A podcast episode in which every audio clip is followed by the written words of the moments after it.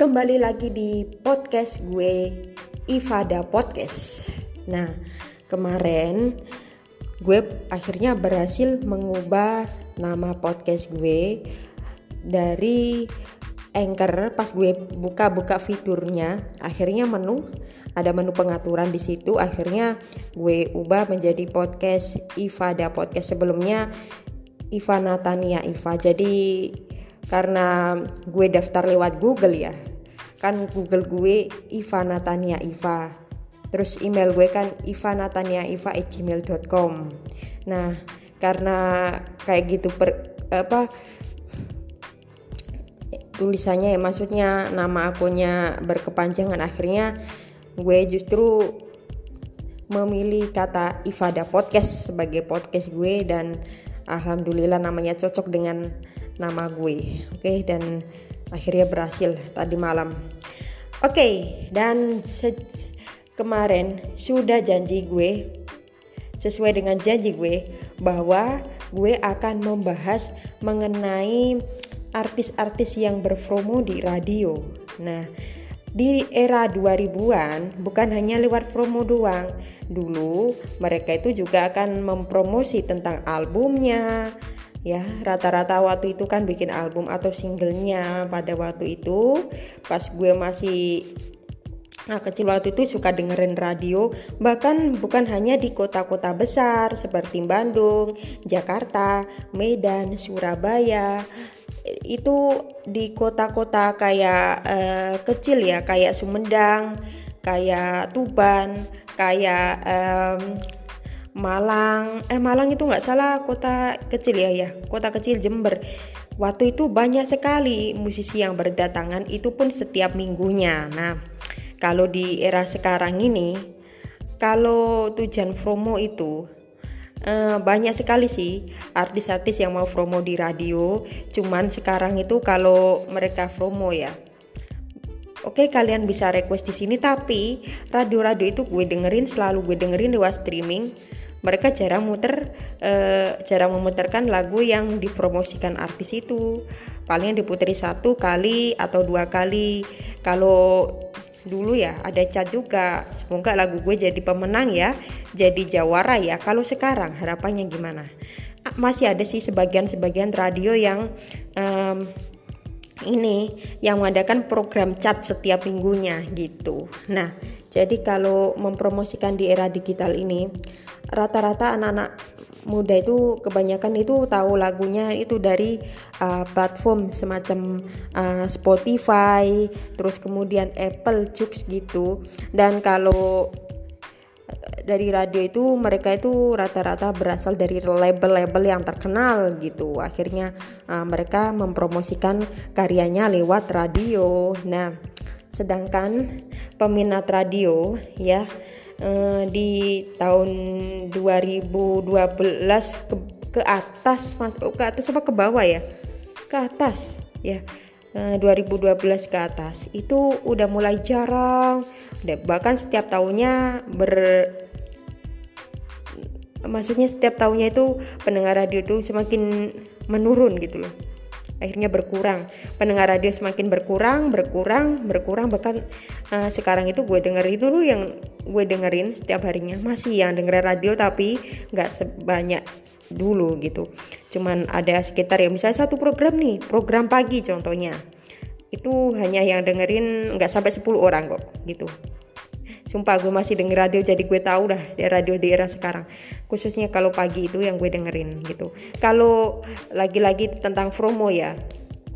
Nah, promo waktu itu nggak tahu sebenarnya promonya bagi kalian itu artis atau berbayar sih atau kalian bayar uh, dari radionya tersebut ayo promosi atau atau bahkan radionya pihak radio yang membayar artis promo artisnya yang di uh, itu yang diundang untuk promo lagunya gak tahu sih karena gue belum pernah jadi penyiar radio dan sungguhnya gue setiap hari dengerin radio dan cita-citanya kepingin jadi penyiar radio sejak kecil. Nah sekarang adanya podcast ini, maka gue akhirnya uh, bikin podcast untuk tujuan uh, mengasah hobi saya yang kepingin menjadi penyiar di era milenial gitu.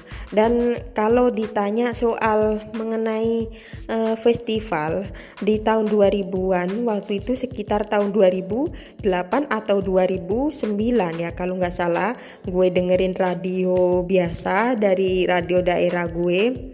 Waktu itu pernah ada sebuah lomba band yang mm, mendaftarkan secara langsung atau lewat email untuk membawakan karya-karyanya sendiri maupun orang lain. Sekitarnya kalau misalnya kan ada 10 atau e, eh, 15 band ya waktu itu sekitarnya masing-masing mereka membawakan dua lagu. Yang satunya adalah lagu karyanya mereka sendiri, yang satunya lagu yang sudah dipopulerkan oleh grup lain. Waktu itu tanpa uh, cover juga masa sih waktu itu di 2010 ke bawah kan belum ada yang namanya uh, digital semacam ini ya gitu.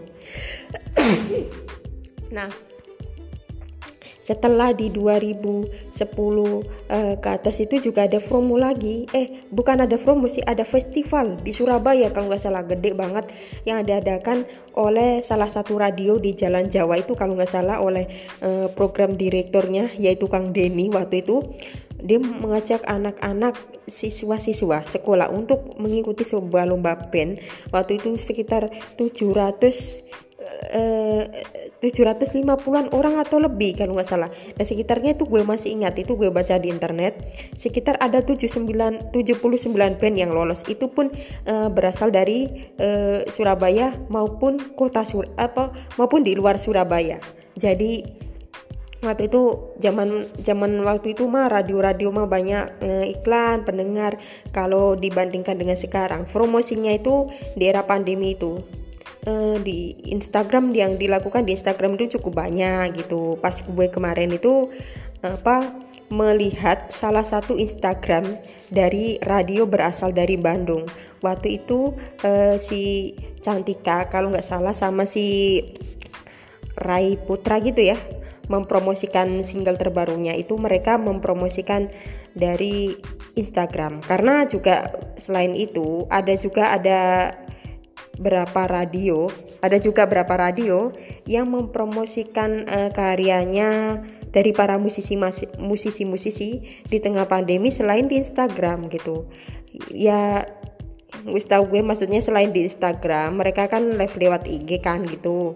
Ada yang dari IG juga ada juga yang dinaikin gitu. Gue pernah dengar ayo yo ayo dong habis ini uh, para musisi misalnya musisi Sal Priadi nih diajak panggung atau musisi um, ini kalau nggak salah um, ya ini Natasha Udu. Nah, atau uh, musisi Vega Delaga contohnya Vega Delaga itu dia promo. Yuk naik ya. Sebentar habis lagu yang satu ini mari kita naik. Nah pernah denger? Tapi itu rata-rata di Bandung ya. Karena itulah menjadi acara-acara yang masih disukai oleh para apa pendengarnya gitu. Bukan hanya dari Instagram tapi juga ada yang sebagian radio yang melakukan siaran langsung secara berbarengan baik maupun Instagram maupun uh, live-nya di Instagram itu kemudian di on airin di radio gitu. Yang jelas ya gitu ya. Kalau setahu gue karena gue sering apa sering mengikuti perkembangannya radio daerah sekarang gitu loh walaupun gue emang kepingin banget jadi penyiar radio masih uh, karena masih muda jadi ya harapannya itu mudah-mudahan bisa kesampaian lah gitu.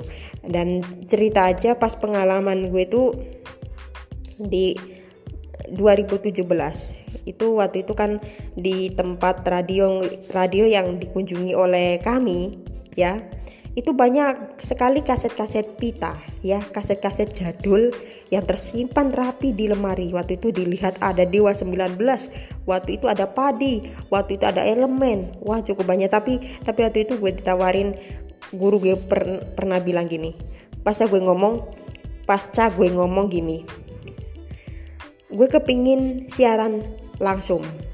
Boleh nggak siaran langsung? Le, maksudnya bukan rekaman gitu loh Jawabannya, lu berani?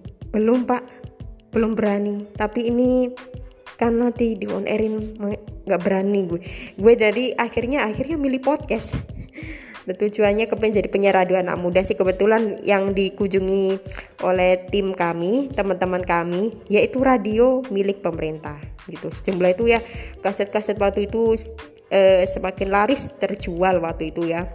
Nah terus promo promo promo juga gencar sekali. Waktu itu di, dilakukan di radio-radio. Waktu itu para musisi-musisi untuk mengenalkan karya barunya. Bahkan eh, radio lagu-lagu itu radio-radio itu uh, cukup populer gitu loh. Yang khususnya anak muda. Bukan hanya itu saja karya-karya para musisi juga masuk chat akhirnya setiap harinya ada program baru ada maksudnya ada program untuk update lagu baru kemudian ada uh, chat setiap minggunya. Waktu itu semua radio. Nah jadi musisi itu masuk uh, cat kalau banyak yang request lagu tersebut akhirnya masuk cat teratas. Akhirnya uh, alias cat nomor satu gitu. Dan sedangkan kalau sekarang yang gue tahu gue sering dengerin lewat streaming ya. Sebagian radio di Indonesia ada yang mengadakan cat cat tanggal lagu gitu masih ada tapi nggak sebanyak dulu. Rata-rata sekarang itu fokusnya itu ya dengerin musik. Musik sebenarnya sih kalau gue setuju ya setiap minggu yang paling banyak diputer yang mana sih? Sekarang nggak usah mikir apa pendengar atau request yang paling banyak gimana. Cuman gini loh persaingannya antara uh, mempromosikan uh, apa di radio maupun digital ya bahkan bahkan musisi-musisi yang masuk label itu masih kalau musisi indie Contohnya rata-rata udah jarang untuk mempromosikan karya mereka lewat radio. Mengapa? Karena dikira radio itu nggak ada yang dengerin. Padahal yang dengerin masih ada. Kalau kalian misalnya butuh event atau uh, butuh apa lagunya masuk playlist. Itu kalau kalian uh, diri di lirik oleh stasiun-stasiun radio tersebut mereka justru lebih lagunya dikenal gitu. Kalau sekarang ya kalau radio kalau radio itu sering muterin. Nah kalau sebaliknya kalau radio tersebut nggak muterin. Nah jadi banyak yang mengatakan kemarin gue sempat denger ya di podcastnya si Aswin kalau nggak salah podcast. Dia tuh mereka para musisi-musisi. Yuk Denny Saha bilang naik yuk naik yuk gitu. Mas waktu itu si Linggar ngomong eh, si Aswin bilang naik. Ya. Terus Jagat bilang nggak tahu ya eh, musisi sekarang itu seperti apa. Bapak gue kok masih mengandalkan untuk musisi naik daun gitu. Sebenarnya sih kalau gitu sih harus uh, ditingkatkan. Bagaimana? Dengan uh, di era digital gitu loh. Banyak yang mengatakan gitu dan mempromosikan rata-rata sekarang itu ke panggung-panggung daerah-daerah gitu ya. Termasuk gue. Tapi waktu itu mereka sampai-sampai ke DKI di Jakarta sana loh ibu kota lalu ke Bandung apa promosinya bahkan keliling-keliling di seluruh seantero Indonesia pakai seantero Indonesia. Biar bahasanya biar ini apa biar uh, um, dikenal masyarakat. Bahkan bukan se, se, se antero Indonesia itu bahkan ke luar negeri juga ada yang promosi. Kalau sekarang seperti band-band waktu itu kan pada ngehits nih gitu.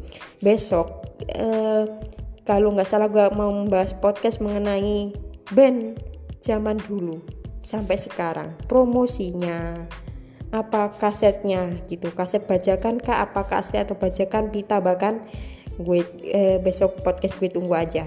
Nah terus waktu um, sekitar gue dengerin podcast ya banyak katanya sih band di Surabaya itu lagi krisis.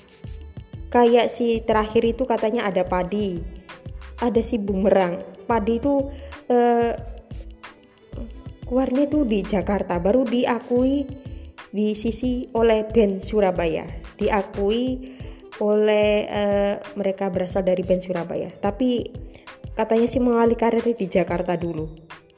Bumerang gitu. Sebenarnya bukan hanya band sih penyanyi penyanyi bisa di ini gak sih bisa di uh, masukkan ke ini enggak sih pembahasan enggak sih? Kayak Gisel Gisel itu kan juga dari Surabaya terus juga ada si uh, si ini kalau nggak salah yang pemenang Jux itu ada Yotari Kejia itu juga dari Surabaya. Sebenarnya bukan hanya band. Membahas band penyanyi. Nah itu harus dibahas semua. Gitu. Kalau yang ingin pemahamannya di bidang musik gitu. Nah mas banyak penyanyi-penyanyi yang berasal dari Surabaya. Tapi rata-rata itu yang meledak itu rata-rata dari kalangan asal Bandung gitu loh kayak The Cangcuters kayak Smash kayak hmm, kerabat kerja. Nah kayak Noah bahkan. Band yang udah melambung namanya di mana-mana Noah itu kalau nggak salah mereka berasal dari Bandung. Lah sejauh itulah kalau membahas uh, seru-seruan kayak Firsa Besari gitu kan. Jadi yang di Surabaya itu justru sekarang itu bandnya itu lagi uh, krisis. Maksudnya um, kapan ya band Surabaya ini uh, kembali berjaya loh? Band asal Surabaya itu ya setahu gue sebenarnya banyak sih. Cuman kalian nggak mau mempromosikan lewat radio gitu. Gue juga kalau di Spotify sering-sering menemukan musisi yang gue nggak kenal gitu. Alias ini adalah lagu-lagu yang uh, indie indie banget gitu jadi lagi ini nih kayaknya apa lagi surut gitu loh. Di Surabaya surut. Ya kayak gitu. Um, kapan? Kayak lagi meredup banget lah gitu. Se sebisanya waktu pas waktu itu di 2000-an waktu itu gue juga denger radio Surabaya waktu itu rame gitu. Ya host-host muda. Karena host muda ya waktu itu juga sama sih ya jadi pertanyaan juga gitu. Di era di digital ini malah harus lebih kreatif ya mau mengembangkan bakat-bakat eh, dari sudut pandang bakat kalian apa pun itu harus dikembangkan melalui apa eh, media-media eh, yang lu punya platform-platform yang lu punya gitu. Gampang sih tapi justru mendapatkan follower itu yang agak-agak sulit gitu ya. Nah masih uh, ngomongin mengenai para musisi-musisi indie. Setahu dari di perkembangan di era digital ini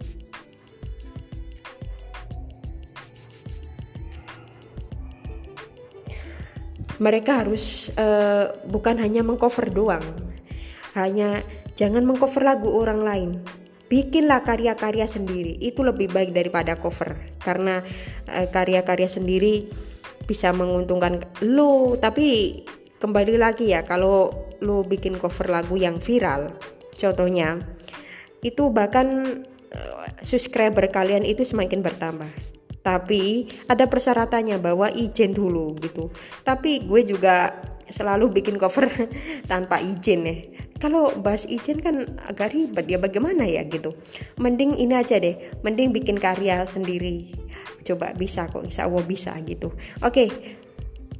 bahkan gue pernah apa pernah dengar pas waktu minggu-minggu kemarin itu bukan hanya anak-anak muda aja yang um, ini apa uh, menjadi announcer uh, bukan hanya anak-anak muda aja yang um, ini apa itu namanya? Ya sesuatu yang dipikirkan lagi tuh bukan hanya kaum muda maksudnya um, menggunakan musik platform gitu.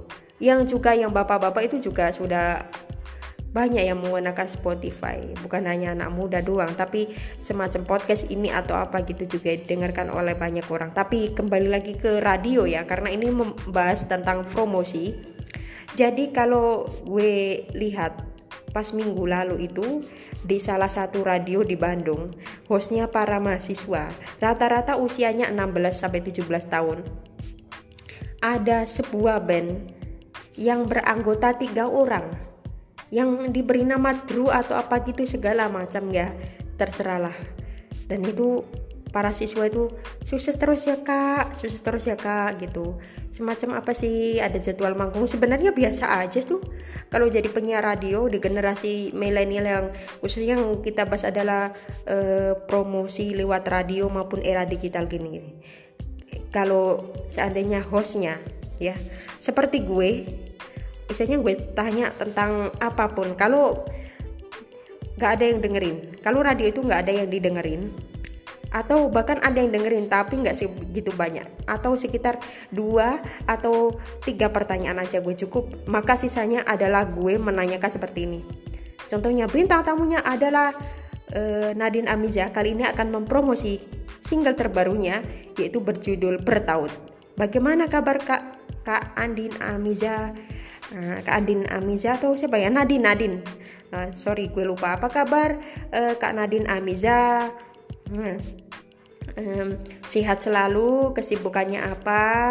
Uh, albumnya ya digarapnya sudah berapa lama? Baru ngeluarin album. Nah seandainya sudah berapa lama sih ingin membuat sebuah album lagu-lagunya waktu itu siapa aja yang bikin ya jadi aransemennya siapa atau e, misalnya Nadine Amiza mungkin udah ber, keliling di beberapa kota di Indonesia untuk mempromosikan album apa single dan atau albumnya gitu. Dan pendapat eh, album terbarunya dari Nadine Amiza ini seperti apa dari pendapat oleh masyarakat dan lain-lain sebagainya. Gitu yang yang gue tanyakan kalau gue pas mau ke menjadi bintang eh mau menjadi penyiar radio ada bintang tamu, langsung gue tanyakan seperti itu. Oke. Okay? Jadi uh, podcast kali ini besok gue mau bahas tentang kelucuan di rumah. Hah? Ya besok tentang kelucuan di rumah apa aja mengenai uh, kegiatan ya. Sekarang mempromosikan dulu. Nah, kalau di era pandemi mayoritasnya gue rata-rata mendengarkan um, bintang tamu promosi di radio-radio itu melalui Instagram. Karena di Instagram itu meskipun nggak jelas ya uh, ada yang uh, halo ada yang belum sambung ada yang pertengahan baru putus-putus ada yang satu episode secara penuh gitu. Kalau di tengah-tengah pas putus-putus itu diulangi lagi live-nya terus uh, dimasukkan ke IGTV nah setuju gue. Bah, bahkan kalau sekarang itu uh, misalnya kalian ngeband ya dengan satu visi yang sama atau satu uh, minat yang sama dengan visi yang sama minat yang sama karakter yang sama pasti itu akan lebih uh, lama gitu bertahan lebih lama maksudnya band lo itu. Nah sekarang ngomongin misalnya di Instagram disebut ya ada band-band indie. Seperti um, Figura Renata contohnya.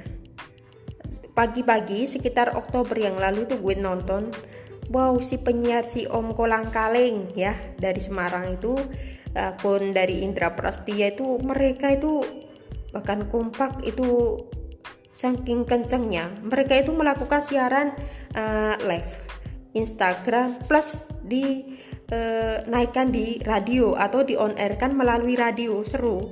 Nah jadi gue sih kepingin um, seperti itu ya kalau apa kalau disetujui oleh keluarga gue gitu. Se seharusnya sih di era digital ini harus uh, kreatif gitu. Masalah promosi bahkan uh, kalau hostnya para anak-anak muda itu cenderung lebih seru gitu. Jadi kayak hai! Wah, kalau di host yang yang podcast podcast sebelumnya yang gue bahas ya, itu mengenai host di era milenial ya, host yang uh, masih ingat kan? Atau udah lupa ya judul podcastnya ya kemarin itu, uh, yaitu adalah host milenial atau apa ya kalian cari aja ya. Di podcast gue Ifada Podcast IFADAH Podcast di Spotify maupun di Apple maupun di platform yang lo punya. Cari nama podcast gue tadi. Itu ada uh, episode mengenai penyiar uh, penyiar milenial. Maksudnya kalau rata-rata uh, dari promosi di 2000-an waktu itu ya sekitarnya itu penyiarnya itu kalau seru itu bisa sampai dua orang. Bahkan 2012 sampai eh, 2013 itu masih terasa gitu. Hostnya dua orang ada bintang tamu seorang DJ waktu itu DJ asal Jakarta. Dia sambil nanya-nanya gini eh Neng mau nggak jadi pacar gue sesungguhnya gue cinta sama lo. Lah waktu itu seru weh sambil tepuk-tepuk tangan prek prek gitu kan di radio. Gue masih uh, sering mendengarkan radio. Tapi semenjak 2000 12 eh, ke bawah bahkan sekarang kok kayaknya nggak pernah denger ya. Bahkan sekarang gue pantau gue selalu streaming denger radio ya uh, kalau radio sekarang itu di era pandemi cuman paginya sama sore yang siaran rata-rata kebanyakan muter lagu gitu. Kemungkinan atau uh, bosnya mungkin nggak punya uang atau iklannya yang kurang ya. Kebetulan gue belum pernah bekerja di radio sih jadi belum ada pengalaman seperti itu. Tapi kalau gue dengerin RRI dari Radio Republik Indonesia itu dari pagi siang sore sampai malam itu mereka masih membawakan acara kalau uh, mereka uh, tetap aja saya nggak ada yang dengerin nih tetap aja gitu. Yang disuguhkan adalah yang penting apa topik-topik yang dibahas mengenai uh, berusaha apa berusaha uh, tentang ekonomi atau tentang uh, usaha tentang uh, lingkungan tentang gaya hidup bahkan cenderung tentang uh, tentang apa itu pekerjaan seperti petani-petani gitu gitu loh. Jadi itu yang masih disiarkan karena RRI kan punya apa ya pemerintah. Jadi eh, harus yang dari pusatnya saat saja yang mengarahkan nah, gitu. Jadi kalau di radio swasta yang gue denger ya di era pandemi ini bahkan kayak kayaknya pernah gue denger itu di mana gitu ya cuma lagu doang. Kalau denger lagu doang kan ah tuh bosen ah bagaimana sih ini? Ya nggak tahu ya daerah sekarang kemarin itu cuman kalau pas lagi live Instagram itu cuma live Instagram doang. Kebetulan gue sering menyaksikan lewat Instagram daripada lewat radio langsung gitu loh. Karena justru emang pernah karena justru kalau di Instagram kan kelihatan orangnya ya gitu. Tapi itu terkadang juga live-nya nggak di on air kan di radio gitu loh gitu. Jadi pembahasan mengenai mempromosikan lagu uh, lagu lagu terbaru itu.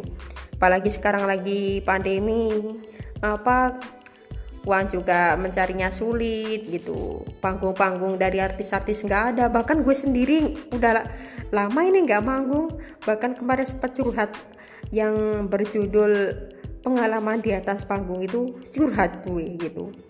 Uh, itu curhat mengenai pengalaman sepanjang masa dan sekalipun plus karena gue belum mendengarkan podcast gue secara penuh ya kemarin-kemarin jadi podcast-podcast gue yang gue bikin itu gue tunjukkan uh, kepada orang-orang yang kepingin jadi pembawa acara di era milenial.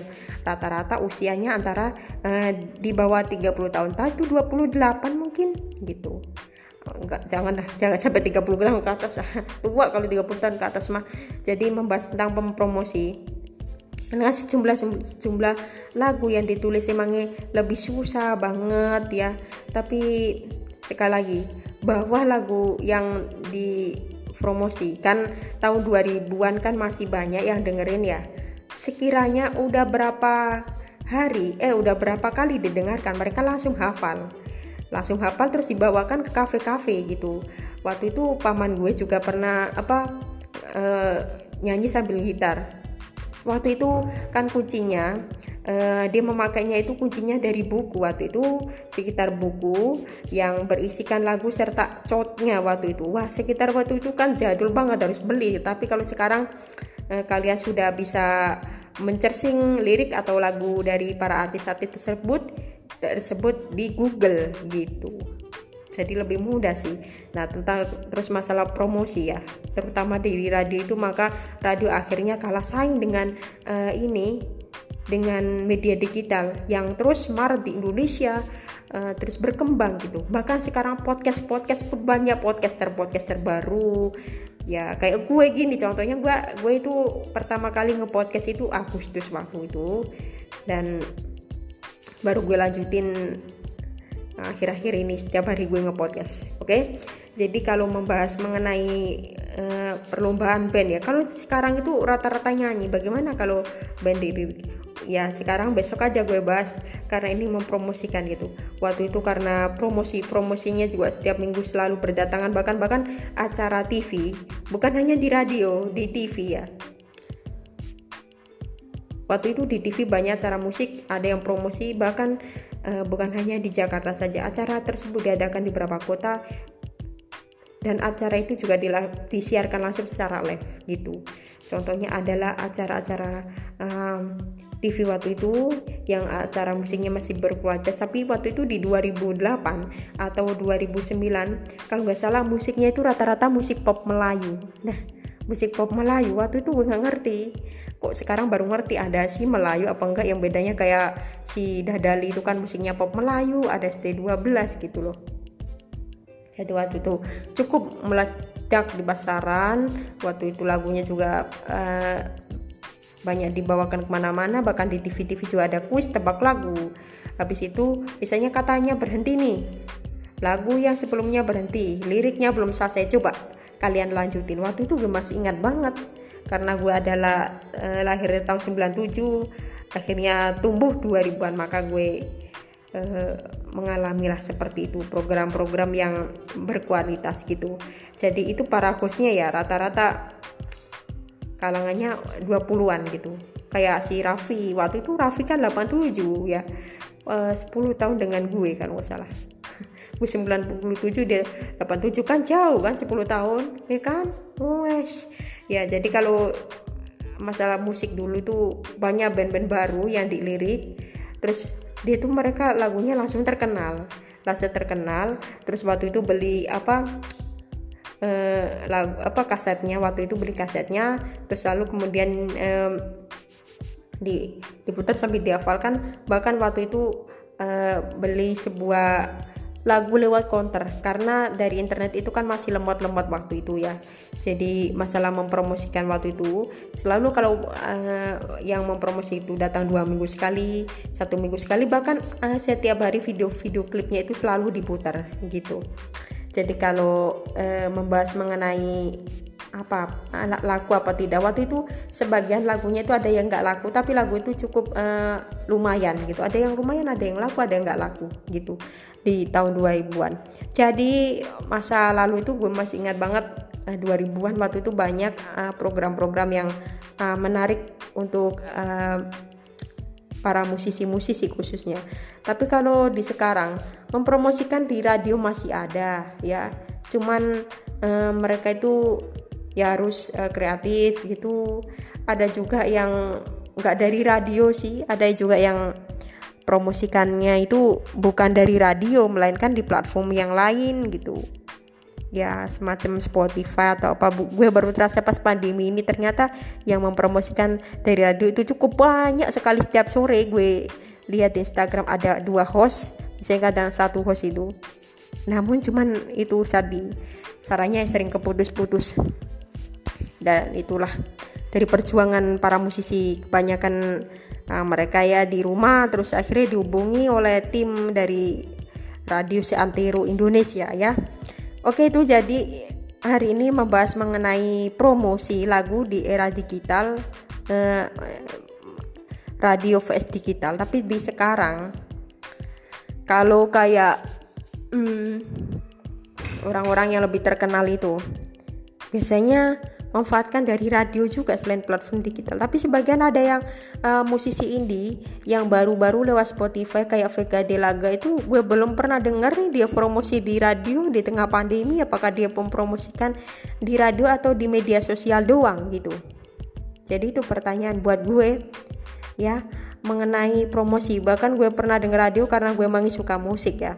Setahu gue kan setiap minggunya wah lah rame ya dibikinin ini ada juga uh, hostnya. Coba dong ajarin gue ini dong.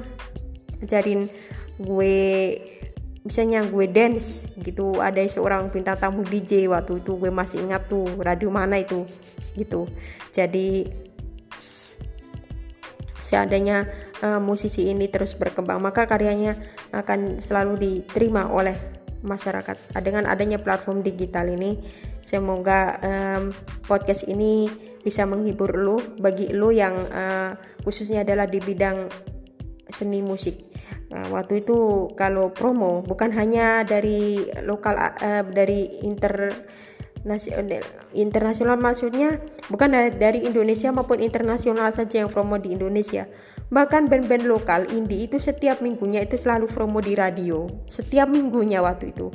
Dia diundang misalnya uh, Bandung atau Jakarta di sekitarnya itu bahkan radio-radio itu setiap minggunya selalu memutarkan lagu independen. Waktu itu setiap minggunya yang mereka ini anak-anak muda itu selalu nongkrong. Tapi sekarang sudut pandang gue masih gue denger radio bahkan lagu doang. Ada juga salah satu radio di Bandung yang masih mengundang bintang tamu uh, anak-anak indie itu setiap minggunya. Gitu. Habis itu gue belum pernah denger lagi ya.